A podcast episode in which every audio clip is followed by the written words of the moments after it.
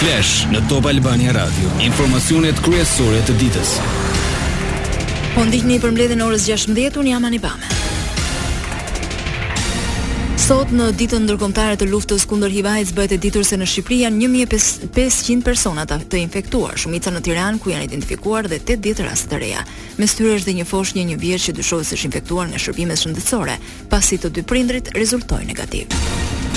Qeveria shqiptare miratoi paketën 4.3 miliard lekë për bonusin e fundvitit, kryeministri Rama. Duke filluar nga dita e nesërme do të fillojë lëvrimi i bonusit të fundvitit për të gjithë gjashtëqind e nëntëdhjetë e pesë mijë e njëqind e një pensionistë prej pesë mijë lekësh të reja, por edhe për gjashtëdhjetë e gjashtë mijë të tjerë të kategorisë pensionist që kanë pensione invaliditeti, po ashtu do të mbështesim edhe gjashtëdhjetë e katër mijë familje me ndihmë ekonomike, për të cilat mbeten në vëmendje dhe në nevojë për t'u mbështetur edhe me bonusin e fundvitit. si edhe për gjithë kategorinë e paraplegjikëve dhe të tetraplegjikëve. Në media është komentuar gjerësisht rreth kritikave të ish-zëvendës kryeministrit Braçe për qeverinë rreth sektorit të bujqësisë për të cilën Rama foli prerë. Kur merrni përsipër të komentoni Erion Braçen, sigurohuni që Minimalisht përpara të keni ngrënë një lugë mjaltë. Refuzimi nga autoritetet për protestën e paralajmëruar nga Berisha më gjashtë dhjetor nuk ka ndalur rithemelimin të tentojë negociatat, dy përfaqësues, Keriana Gjata dhe Ervin Minarolli shkuan sot në takim me drejtorin e Policisë të Tiranës për të thënë se protesta e gjashtë dhjetorit nuk cenon sigurinë e vendit dhe se do e mbajnë në bulevard. Argumentimi i tyre është që zona ku ne duam të bëjmë protestën është pjesë e perimetrit të sigurisë, të kërkuar nga partnerët, ndërkohë që Ne i siguruam që kjo do jetë një protestë paqësore, do jetë një protestë mikpritëse edhe për delegacionet që kanë ardhur. Do ta mbajmë protestën në bulevardin Dëshmorët e Kombit, atje ku e kemi kërkuar. E drejta e protestës, tubimit, protestuesit është e drejtë kushtetuese. Protesta sa të zgjasë do jetë paqësore, nuk do ketë absolutisht asnjë lloj problemi. Data gjashtë mars përkon dhe me ditën kur në Tiranë do zhvillohet samiti historik ku pritet të vinë të gjithë krerët e BE-së.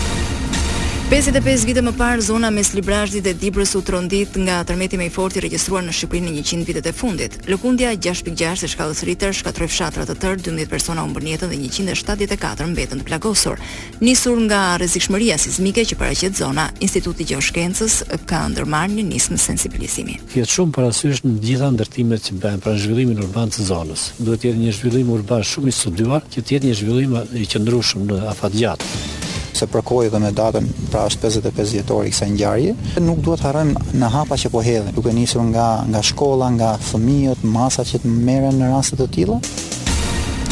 Gjatë vizitës në Tiranë, presidenti gjerman Frank-Walter Steinmeier vuri theksin te reforma në drejtësi ku tha se duhet të çojmë para këtë proces. Një mesazh e pati dhe për qeverinë dhe opozitën ku kërkoi të punojnë së bashku për anëtarësimin në Bashkimin Evropian përtej llogoreve politike.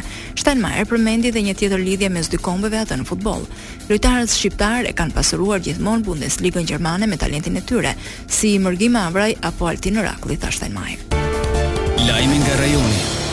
Ish-ministri i Brendshëm i Serbisë Aleksandër Vulin u emërua drejtor i Agjencisë Serbe të Zbulimit e njohur si BIA. Vulin zëvendëson në këtë post Bratislav Gashiç, tashmë ministër i Punëve të Brendshme.